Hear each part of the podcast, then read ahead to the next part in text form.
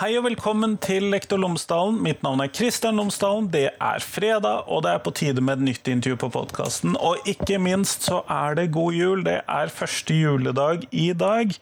I hvert fall det er meningen at det skal være den dagen jeg sender det ut. Eh, så vet jo ikke jeg når eh, du hører på det, sånn at det finner vi ut. Men i hvert fall jeg snakker med Fredrikke Brosard Børhaug, som har vært med på podkasten før, og Solveig Reindal om transhumanisme og tilpasset opplæring.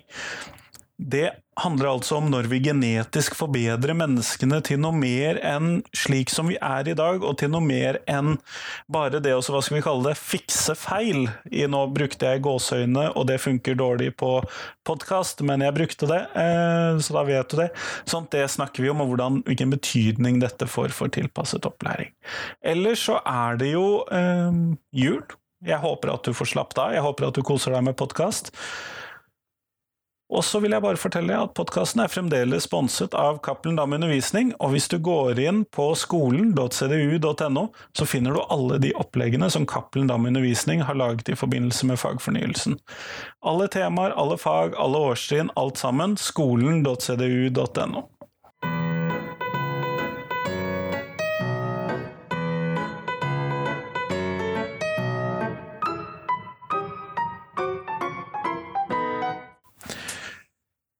Fredrikke og Solveig, tusen takk for at dere har tatt dere tid til meg i dag. Bare hyggelig. Veldig kjekt. Før vi starter selve intervjuet, så hadde jeg håpet at dere kunne fortelle lytterne mine tre ting om dere selv, sånn at de kan få bli litt bedre kjent med dere. Også deg, Fredrikke, selv om du har vært med tidligere på podkasten. Ja. Skal jeg begynne da? Gjerne. Du det? Ok. Um, ja, så mitt navn er Frederike Brosad Børhaug, og jeg er en typisk innvandrer. Kom til Norge for snart 29 år siden, faktisk i november 91. Uh, og jeg er professor i pedagogikk og har en spesialisering i det interkulturelle. Men så har jeg vært også opptatt av biologisk mangfold. og uh, Solveig og jeg vi har også jobbet med inkludering og med transhumanisme, som vi kommer til å snakke om i dag. Ellers jeg er veldig glad i natur og glad i min hund. Jeg har en fin, eh, snill hund som begynner å bli litt gammel, eh, men veldig utrolig snill. Eh, og jeg er veldig glad i å jobbe med pedagogikk. Dette er mitt hjerte. Så veldig kjekt. Mm. Solveig, hvem er du? Hvem jeg er? Ja, det er ikke så lett å si. Men jeg heter iallfall eh, Solveig Magnus Reindal og jobber på NLA Høgskolen der som eh, professor i pedagogisk filosofi. Jeg pleier å si at jeg kom litt sånn baklengs inn i pedagogikken, fordi at utgangspunktet mitt det er magistergrad i filosofi. Så, så, mitt hjerte til pedagogikken det har det har sakte vokst og blitt litt mer sånn svulmende etter hvert. Um, etter at jeg så på en måte veldig mange uh, Altså at pedagogikken på en måte er en, er en, forutsetning for veldig mye av det andre vi holder på med. Fordi at det starter med nettopp den uh, oppvoksende generasjonen og hvordan vi forholder oss til den. Så det, så det er litt eh, ja, sånn hobbyer og sånn. Fredrik var den som fikk oss til å kjøpe en liten hund, for vi har en sånn nærmere eh, en sånn hund sånn som hun har. Eh, jeg har også da mange barn. Sånn at mye av fritiden min går da med til å, å være farmor og mormor og, og vanlig mor. Ja, nei, men det høres bra ut. Og Fredrikke nevnte jo dette som vi skulle snakke om i dag, nemlig transhumanisme og inkludering. Og da må vi jo kanskje først få etablert hva er transhumanisme? Ja, da kanskje kan jeg begynne med det, da. Eh, kort, altså Det er egentlig en vanskelig eh, sak, dette, og det kunne sies veldig mye forskjellig. Men eh, vi kunne kanskje begynne å si at vi lever allerede i en transhumanistisk tid som eh, filosofen Ole Moen sier. Um, og hva er da transhumanisme? Jo, transhumanisme handler om å bruke teknologier på en måte som gjør at vi endrer våre livsbetingelser. Altså at mennesket endrer sine egne livsbetingelser på en helt grunnleggende og radikal måte. Det som vi kunne kalle transcenderende teknologier. og Det har med f.eks. bioteknologi, nanoteknologi, kunstig intelligens. Og det vet vi at det tar større og større plass nå i våre liv. Og det fører til da at grunn av disse teknologier at vi vil da kunne leve lenger, vi vil få et forlenget liv og forhåpentligvis også et bedre liv. Og En del av det med transhumanisme kan være også et spennende prosjekt. og Vi er ikke her for å si at alt er, er feil, men det er likevel slik at vi må òg være kritiske til hvordan vi bruker disse teknologier. Um, sånn f.eks. Um, hvor lenge vil vi leve på denne jorden? hvordan, uh, hvordan eh, vil vi lagre våre minner? Altså dette med hukommelse. Vil vi bruke medikamenter f.eks. For, for å huske bedre? Vil, vi, vil, andre personer ha tilgang til våre minner den dagen vi er døde? Fordi de er blitt lagret et, et eller et annet sted. Altså Sånne spørsmål egentlig som kanskje kan virke litt rare spørsmål og veldig sånn um, spørsmål som blir tatt opp i uh, filmer og slik. Egentlig det er allerede helt sentrale spørsmål, fordi det har å gjøre med vår bruk av kunstig intelligens. Og det har å gjøre med at um, en forståelse om at uh, uh, det som på engelsk vi kaller 'enhancement', altså det å forbedre seg, det å forbedre sine evner og sine muligheter, livsmuligheter. Et ord som har vært brukt ganske mye om transhumanisme, dette med cyborg. Og cyborg det handler da om en slags hybrid, et hybrid menneske eller vesen, der man er halvt menneske og halvt en halv maskin. Så, og det ser vi mer og mer at ved bruk av våre teknologier at vi blir da at, vi, at, kroppen vår endres, og måten også vi, vi, vi bruker Og hva vi, hva vi, ønsker å gjøre. La meg ta et eksempel nå i COVID, med covid. Altså, på bakgrunn av big data og den hyper connectivity er vi nå i stand, hvis vi vil, da, kartlegge mennesker og hvordan de skal, hva de gjør og hvem de treffer og sånn. Altså at det med kunstig intelligens egentlig fører til at våre muligheter for valgfrihet, livskvalitet og retten til å bestemme for seg selv blir også endret. Covid aktualiserer dette med slike spørsmål egentlig er, har vært allerede stilt eh, også før eh, det som skjer nå. Så her var det en liten bare innføring i transhumanisme. Men hvilket eh, eh, For her ligger det jo noen verdier, det ligger et menneskesyn som ligger til grunn inn i dette her. og hvordan, hvordan kan vi beskrive det, da? Eller hvordan blir det relevant for oss som driver med pedagogikk? Ja, eller vi kan jo se Jeg kan jo si litt om det. Um, den som har um, mye av den transhumanistiske bevegelsen, uh, Humanity Plus, den er tuftet på Eh, noen eh, transhumanistiske verdier, som bl.a. Bostrøm, som er en, en, sentral aktør i den transhumanistiske bevegelsen. Eh, han formulerte noen verdier i 2005 som også er på denne hjemmesiden til Humanisme pluss, Transhumanisme pluss, Humanity pluss. Og der er For eksempel så sier han det at ikke sant? Eh, det er, det er, ikke noe galt med å, å gjøre noe med vår natur. Uh, og denne ideen om hybris, den er Den er på en måte Passé? Det er passé, det, det, den, den, godtar vi ikke. Sånn at i tankegangen her så er det, så er det ikke noe som på en måte er uh, enten hva vi skal kalle det for hellig, eller Altså det er ikke noe som på en måte ikke skal kunne være underlagt menneskets manipulering. Uh, så det er en av de overordnede verdiene som ligger i dette. Og så er de jo da opptatt av å skulle eh, altså øke alt av Altså det å øke er i seg selv et gode uansett.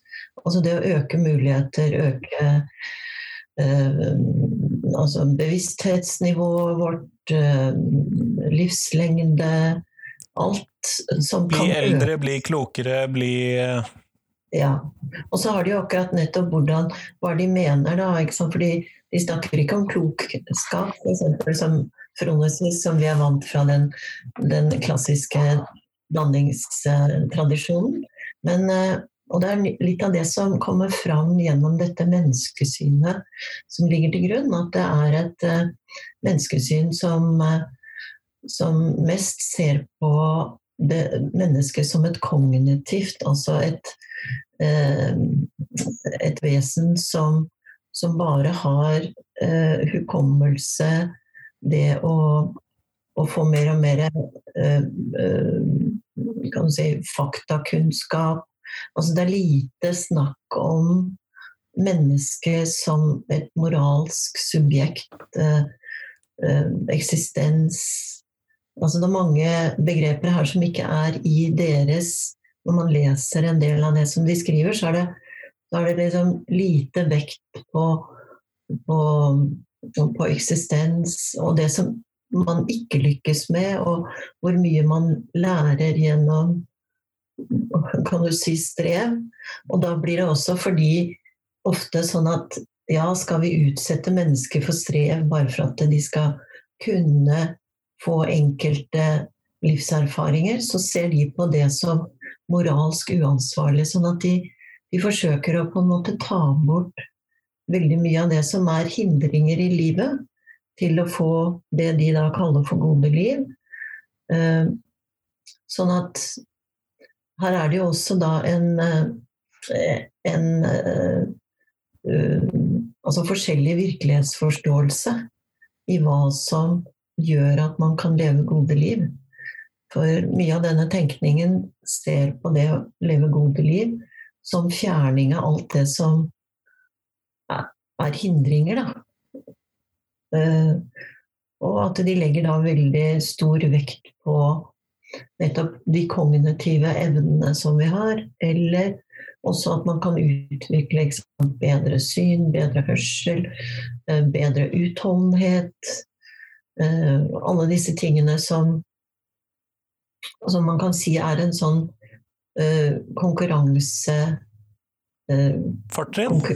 Ja. ja. ikke sant. Alt det som blir vektlagt i når vi skal konkurrere med hverandre, da. Det er liksom det som de, de fremmer veldig ofte som verdier. Ja, for I stad så snakket jo Fredrikke om dette her, de tingene som eh, vi allerede gjør. For vi eh, fikser jo på ting, og vi har en del medisiner og en del sånn bytter ut hofter her og der, og vi har forskjellige sånne måter som gjør oss um, Som fikser mennesker på en måte, men jeg hører jo en viss forskjell i det dere snakker om, de tingene som får noen til å komme opp på det vanlige nivået, og de tingene som tar oss over det nivået igjen. Er det en forskjell mellom det er, det er, det som de ikke De er ikke villige til at det er en forskjell her. Og det, det, det som du prøver å si der, er, liksom, er det en forskjell mellom terapi og forbedring. Og vi har jo alltid holdt på med terapeutiske endringer. Men det de da mener, er at det er ikke noen forskjell på terapi og forbedring. Det er det samme, på en måte. Og når de da skal si den største forbedringen som, som mennesket har gjort, det er flere som fremhever det av sånne teoretikere innenfor for transhumanismen. Og da sier de det at det, jo, altså den første forbedringen vi begynte med, det var jo å lære oss alfabetet. Og lære oss å regne. Det var liksom den første, det de da kaller for enhancement. Sånn at de ser på det at vi begynte å, å skrive og lese og, og, og, bruke tall som en forbedring av mennesket. Og det er noe av det som eh, er nettopp eh, det som vi forsøker da å, å utfordre i, det, en del av det som vi har jobbet med. Da. Det er nettopp det, dette skillet her. ja, også En annen ting som kanskje kunne også sies, det at uh, det å ha en terapeutisk forbedring, det, det, forstår vi. altså Alle sammen vi vil jo leve liv som er, har en høyere livskvalitet. Men altså her går, er det, mye, det er en radikalisering på en måte av den tenkningen her. En annen ting er at fordi Her snakker vi om at vi ikke engang skal, skal få lov å dø. eller at vi skal kunne være her på denne jordkloden eh, om det var bærekraftig, noe som ikke er. Men eh, la oss si til at vi er 150 år eller 200 eller vel så det. Eh, men det er også slik at det er støttet av et kapitalistisk system og av disse GAFAM. Google, Amazon, Facebook, Apple og Microsoft. Altså det er en visjon av mennesker som ligger bak. Og at egentlig det skaper en ytterligere splittelse mellom mennesker, dvs. Si de som er rike, og som har da en tilgang til en veldig dyr teknologi og veldig dyre egentlig naturressurser som er begrensede, vi vet jo det, eh, men allikevel at deres filosofi skulle vi leve nesten på en jordkloden uten begrensning, og det har jo det. Og hvis når vi har brukt jordkloden, da kan vi reise til et annet sted og bo et annet sted. Men altså, poenget er en visjon av mennesker her eh, som er da bare forbeholdt de rike. Og de fattige, det er de som ikke blir enhanced, det er de som ikke blir forbedret. De blir disse biologiske vesener sant? som eh, ikke får lov å ha eh, eh tilgang til slik. Så, så, det er ikke bare um, en, en forståelse av eh, det terapeutiske, men det, det er faktisk helt katastrofale konsekvenser ved en slik tenkning. Som er støttet av et meget, meget, meget uh, hva skal jeg si, sterkt kapitalistiske system. Jeg hørte nå på et fransk program bare for et par dager siden om hvordan altså hvordan etter krisen i 2008 man skulle ha trodd at det kapitalistiske skulle ha blitt veltet og gått under, fordi det var i ferd med å gjøre det, men så ble det reddet. Men så fra 2010 sånn cirka, med oppdagelsen av deep learning og kunstig intelligens som gjorde en så veldig kraftig forbedring, har egentlig det kapitalistiske systemet blitt enda mer forsterket. Og de rikere er det blitt enda mer rike i forhold til andre mennesker. Så her er det en avdemokratisering. Det fører til at samfunn utvikler seg til mer populisme, til mer ressentiment, til mer det vi har sett i Frankrike med de gule vester, altså med mer mistillit, det vi ser med Trump osv. Så, det er store uh, altså Jeg tenker at transhumanisme må egentlig forstås i en bredere kontekst, samfunnsmessig kontekst, som er uh, som viser at vi er nå kommet i en tid som er vanskelig. Og teknologien uansett vil ikke endre alt. Og vil ikke løse på alle problemer vi har. Det, og det er jo det, det andre, også, at transhumanismen den har en veldig sånn tro på framskrittet og teknologien.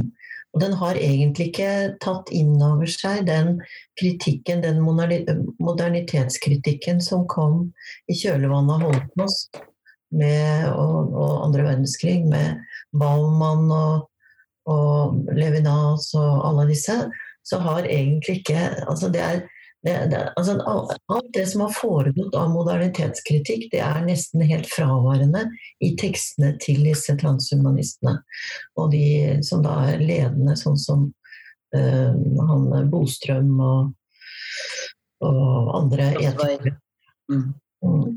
Så det Men hvis vi skal prøve å smalne dette inn, da, hvordan tenker dere at uh, en transhumanistisk uh, hvor det får større innpass, hvordan vil det påvirke pedagogikken? Ja, det har vi forsøkt å si litt, uh, litt om i en artikkel. Og, og, og, mitt fagområde det er fra uh, altså disability studies, altså uh, teorier om funksjonshemming og forståelse av funksjonshemming. Og, og her så blir det jo et veldig press på menneskesynet at sånn som du er da fra fødsel av, om du har enkelte utfordringer pga. nedsettelser, så skal alt dette her teknologiseres. da.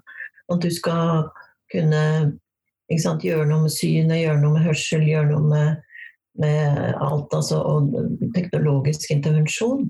Og det er nettopp det. ikke sant, vi har jo, Man har jo gjort en del av det før i forhold til å, å, å hjelpe liksom, I forhold til nedsettelser. At uh, livet kan, uh, livskvaliteten kan bedres. Men det som kommer inn her, er jo også mer sånn at dette blir på en måte et mer påbud for å kunne være deltakende i samfunnet.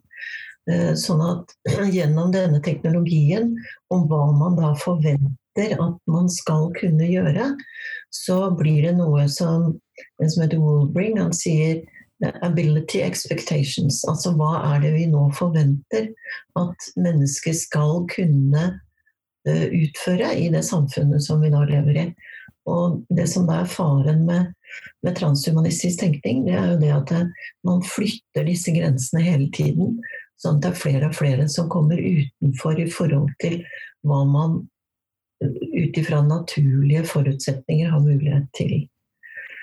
Og det er det som blir det som vi da har tatt opp i den artikkelen som vi har kalt 'Hvordan forstå inkludering som, all, som allmennpedagogisk prinsipp' i en transhumanistisk framtid, eh, så, så, setter vi nettopp spørsmålstegn ved Hvis dette her møtes bare helt ukritisk, hva fører det til av press i forhold til hva man må utvikle eller kjøpe seg av teknologi for å kunne være deltakende i et samfunn? Ja, nettopp. Fordi alle de da som da har spesielle behov i dag, er det de som man da frykter for, sånn som jeg forstår dere da? Eller alle de som da ikke er villige til å gjøre disse endringene, eller ikke har råd til disse endringene, er jo kanskje også med i gruppen? Ja, det er, det er, akkurat det. De som ikke på en måte Altså dette her har vi jo sett sånn eh, Vi har jo sett noe av dette her i skjønnhetsindustrien, ikke sant. I forhold til hvordan folk eh, ordner på det ene og det andre, og hva det har gjort av en forståelse av hvordan man skal se ut. Og hvis man da tenker at dette her blir sluppet helt løs i forhold til alle mulige eh, endringer som kan gjøres på, på, alle mulige nivå, så kan man jo tenke seg at det blir jo det blir jo ingen grense for hva man på en måte kan gjøre og putte inn i mennesker og endre på. Du kan koble deg opp til, til datamaskiner eh, som du kan eh, lagre informasjon på. Og vi blir sånne AI-bokser som går rundt, altså kunstig intelligens-bokser som går rundt. Um, Altså Dette også med dop. ikke sant? Du hadde sett også litt eh, på det, Solveig, og hvordan når man bruker medikamenter for å øke den akademiske prestasjonsevnen. Ja, altså det er, jo et, eh, er jo et medikament som ofte gis til de som har eh, diagnoser eller symptomer som ligner ADHD. Eh, Ritalin, eh, som er da konsentrasjonsfremmende medikamenter. Man har jo da sett f.eks. I, i USA så er det en, en bruk av Ritalin mer som vanlig prestasjonsfremmende medikament.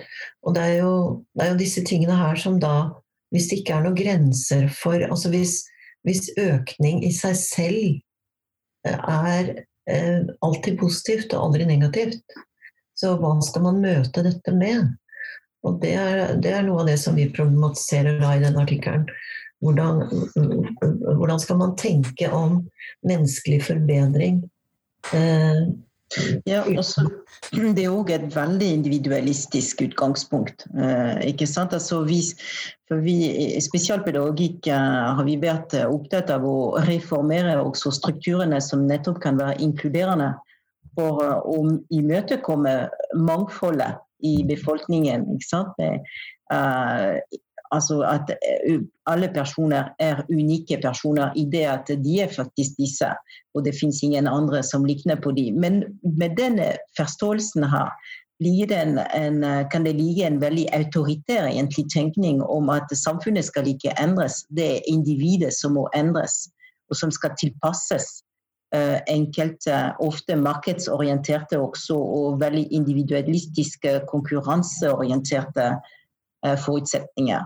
Så, så, dette er også svært problematisk med tanke på hva er da mangfold, hva er menneskets integritet, Eh, og hvordan skal vi respektere det eh, videre med disse teknologier som blir stadig bedre og stadig mer invaderende.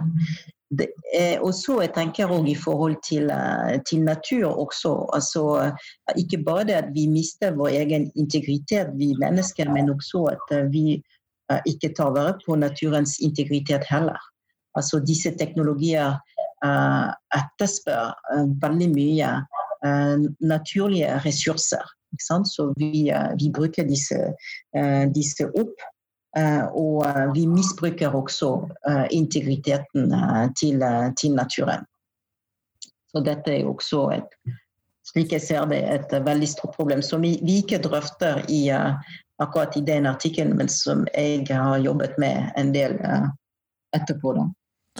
Men de tingene som dere sier, så får meg veldig til å tenke på idretter hvor det har blitt eh, nær umulig å så delta i idretten uten å, å bruke den samme dopingen eller samme eh, behandlingen som alle de andre, og at eh, man da nei, i denne sporten så gjør vi det sånn fordi at det Men det snakker ingen om fordi at det er ikke lov med doping, men alle må gjøre det, for ellers så kan man ikke henge med. Og det har man jo sett historier fra ganske mange idretter over tid. Mm. Er det en, eh, en, sånn sammenkobling i hodet som er rimelig å gjøre, eller hva? Ja, jeg tenker det sant, på samme måte som skjønnhetsindustrien. Ikke sant?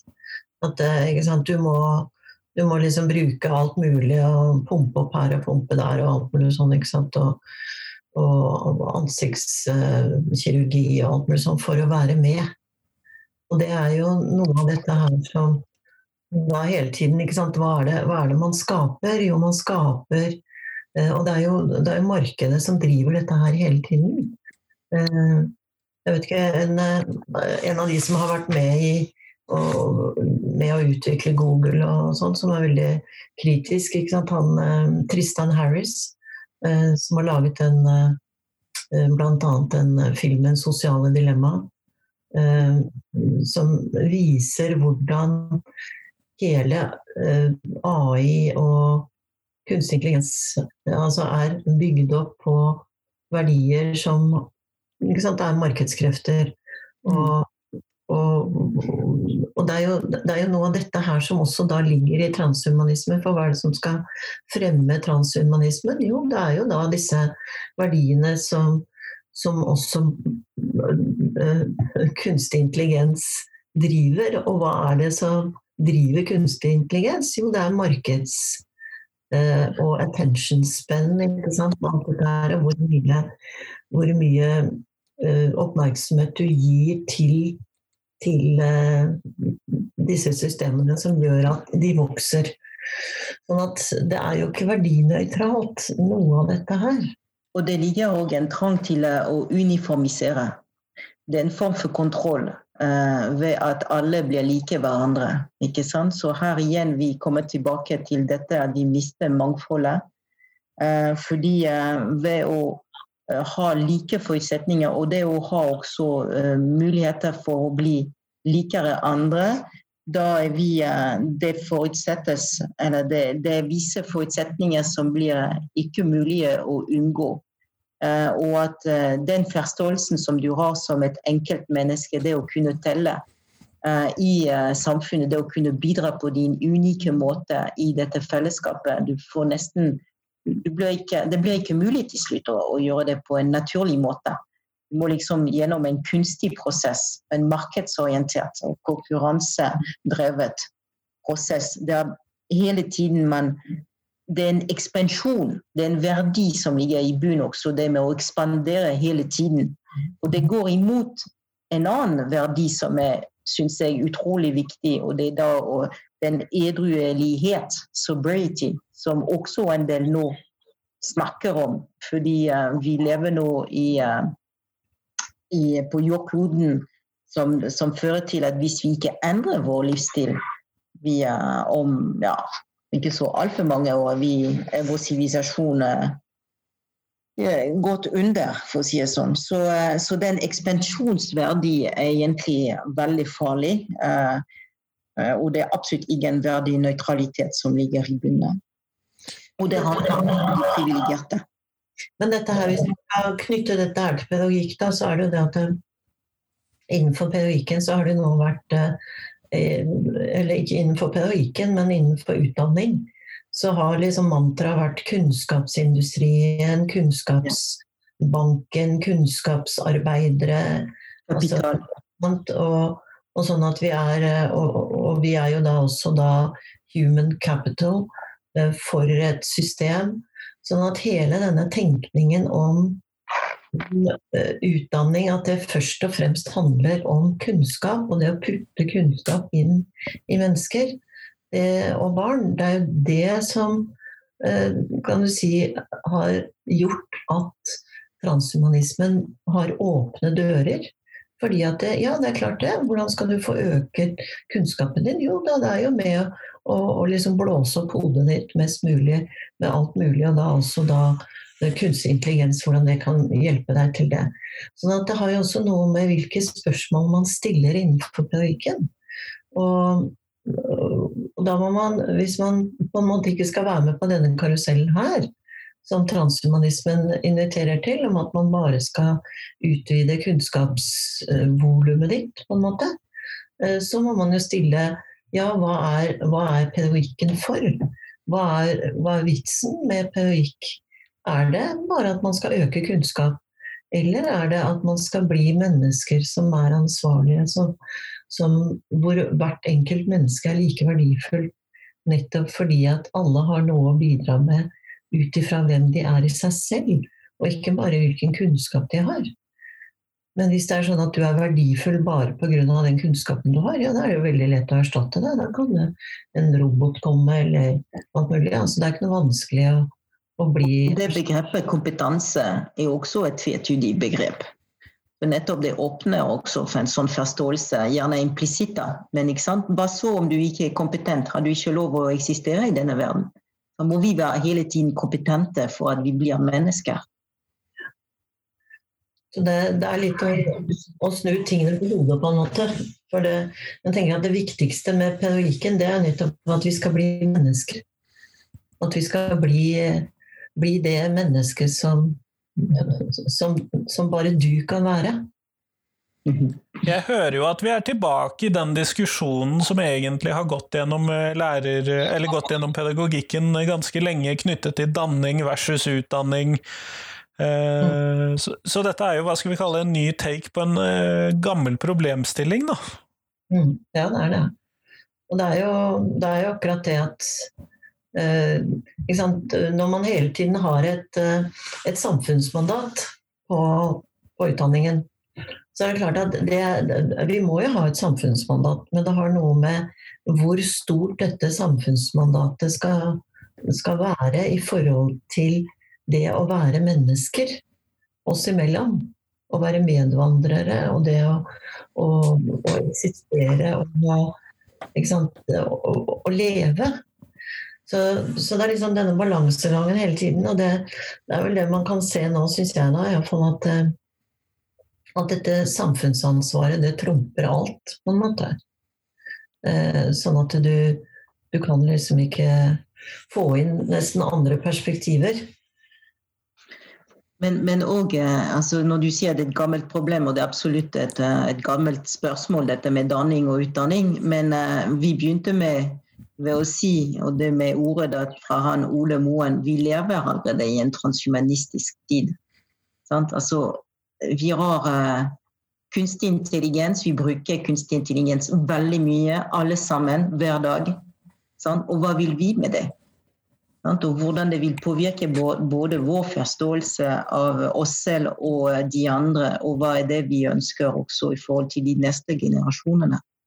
Så et gammelt spørsmål som er særlig aktualisert nå, nettopp fordi vi har i bruk teknologier som er formidable. De er så store nå, de er så kraftige at de kan endre, de radikaliserer egentlig dette spørsmålet på en helt grunnleggende måte.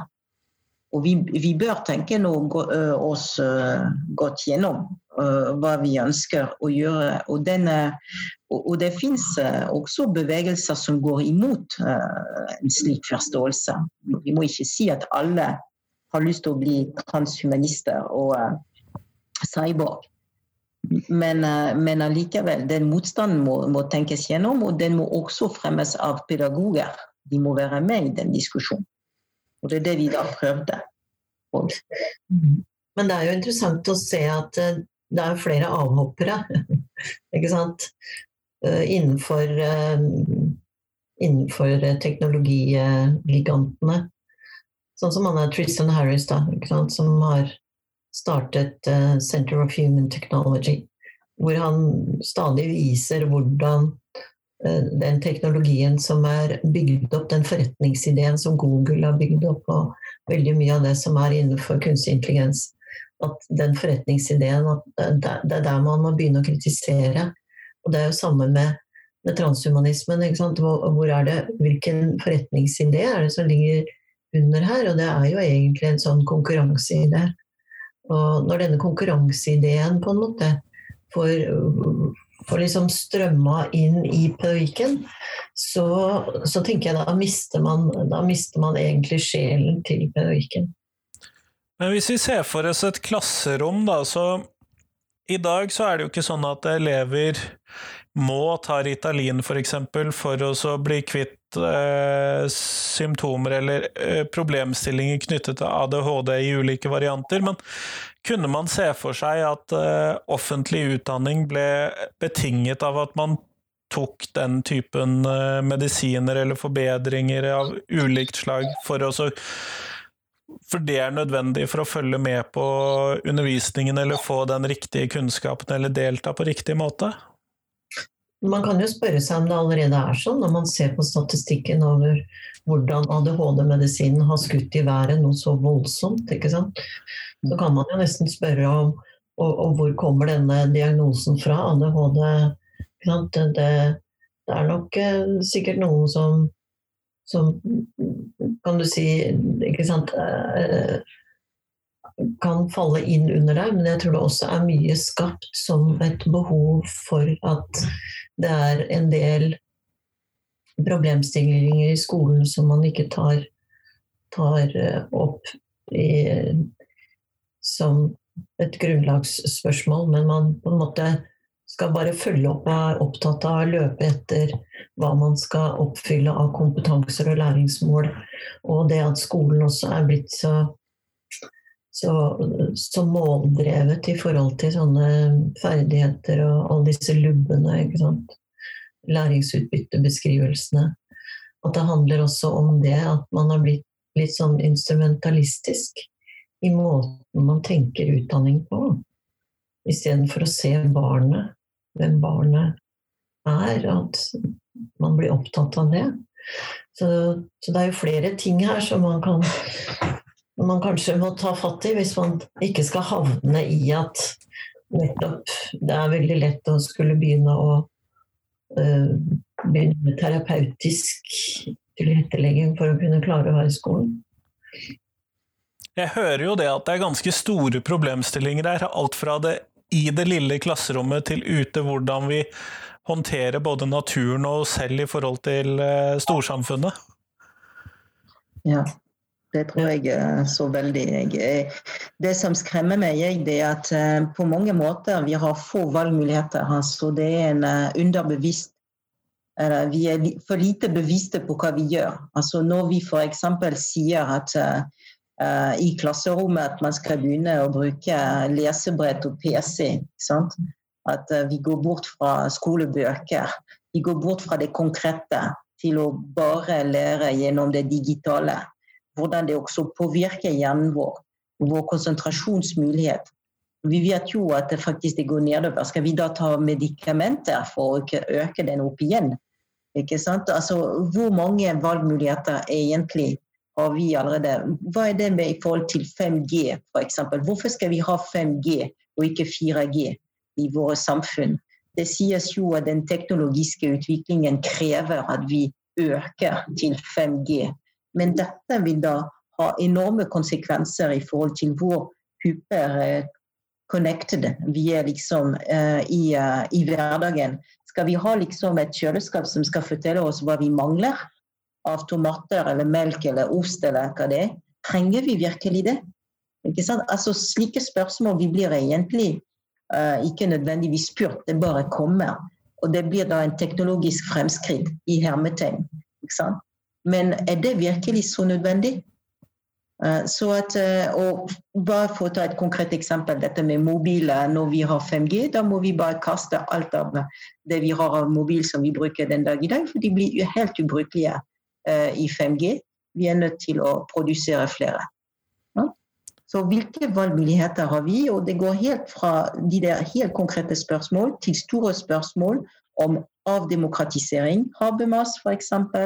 Jørgen Habermas har snakket om det. Eh, eh, og, og, og, dette med vi fri eh, Altså vi, vi, kommer inn i en situasjon der det er nye former for innsnevring, um, og absolutt ikke frigjøring. Og vi går bort fra dette 'small is beautiful'. Sant? Mm. Eh, Fredrikke og Solveig, eh, nå nærmer vi oss slutten av podkastintervjuet, og da skal jeg stille dere de samme spørsmålene som jeg stiller til alle de jeg intervjuer for tiden. Og det er hva er de tre viktigste tingene som skolen kan lære elevene? Og det er jo da urelatert til, men dere kan godt relatere det til dagens tema, men det er helt opp til dere. Så det er egentlig ment generelt. Så eh, Solveig, hvis du har lyst til å begynne? Ja, det er ikke så Det er jo tre ting, ja. Koke det ned til det. Uh, Iallfall så tenker jeg det at det å Hvem du er som person, at det, det, er mye viktigere hvem du er som person, eller uh, enn alle ferdighetene dine. Sånn at fokus på personbegrepet tror jeg er viktig med å komme inn igjen i pedagogikken. Uh, og så er det det å kunne stå opp mot eh, det å så nettopp bli den personen som som er også den som kan reise seg i forhold til mengden og massen. Og, og, si hvem jeg er i forhold til de andre. At det ikke blir sånn konformitetspress. Eh, at man ikke tør å gå ut av, av mengden. At det blir sånn der uh, Pink Floyd ikke sant? Wall omtrent. At man bare skal være en brikke i et stort spill. Så det tenker jeg. Og det å eh, Og det, eh, det, andre vil jeg også si kjærlighet til seg selv og sin neste. At det også er, eh, er viktig når man ser på hvor mye selvforakt mange barn har i dag. Og det tror jeg handler også om alt det som de da påføres av hvordan de tror de skal være og se ut osv. Nettopp. Mm. Eh, Fredrikke, dine tre ting? Ja, eh, la oss eh, begynne med det helt konkrete. Det å ha mer tid. Tid å leve, leve et godt liv. Det er en akselerasjon, det har vi ikke snakket om, men ekspansjon også går sammen med akselerasjon, og dette er også veldig problematisk. Så det å gi tid til seg selv og til, til andre, det er det ene. Det andre det er at eh, barn, og vi òg, eh, alle, altså mennesker må lære i naturen og i samspill eh, med naturen. At skoler blir i skogen og ved havet og går ut av det digitale rommet. Dette syns jeg er vesentlig, og det har å gjøre med å ta vare på det biologiske mangfoldet. Det vil være mitt andre Eh, punkt. Og det siste punktet, noe som jeg ikke har snakket mye om, men som jeg er veldig opptatt av, eh, og det er det kulturelle mangfoldet. Fordi uh, egentlig forskningen viser at uh, natur og kultur går sammen, og at uh, når vi ødelegger natur, ødelegger vi også kultur.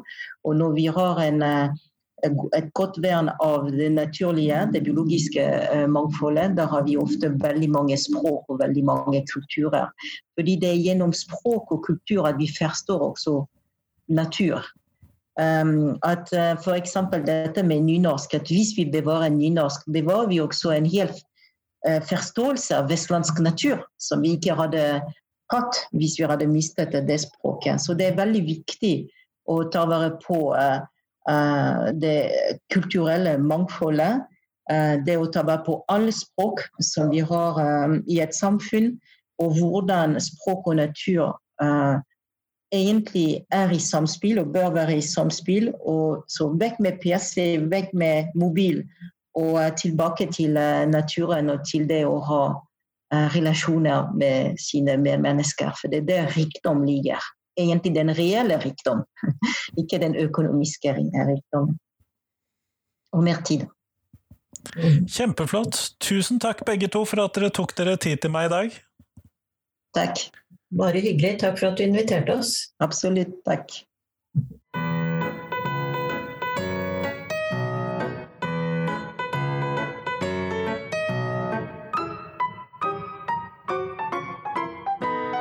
Tusen takk til Fredrikke, og tusen takk til Solveig, og selvfølgelig tusen takk til deg som hørte på. Nå er det fram til eh, tirsdag, så er det et nytt intervju på podkasten. I mellomtiden så hadde jeg håpet at du kunne dele podkasten min med noen som du tror at vil sette pris på den. Det blir jeg utrolig glad for. Og så husk, ta det med ro, hør masse podkast, slapp av, gå på tur, hør på podkast der også. Jeg tror podkast er den viktigste ferieavslappingen. Kanskje ikke helt seriøst. Men i hvert fall, kos deg med juleferie. Ha en fin ferie. Hei, hei.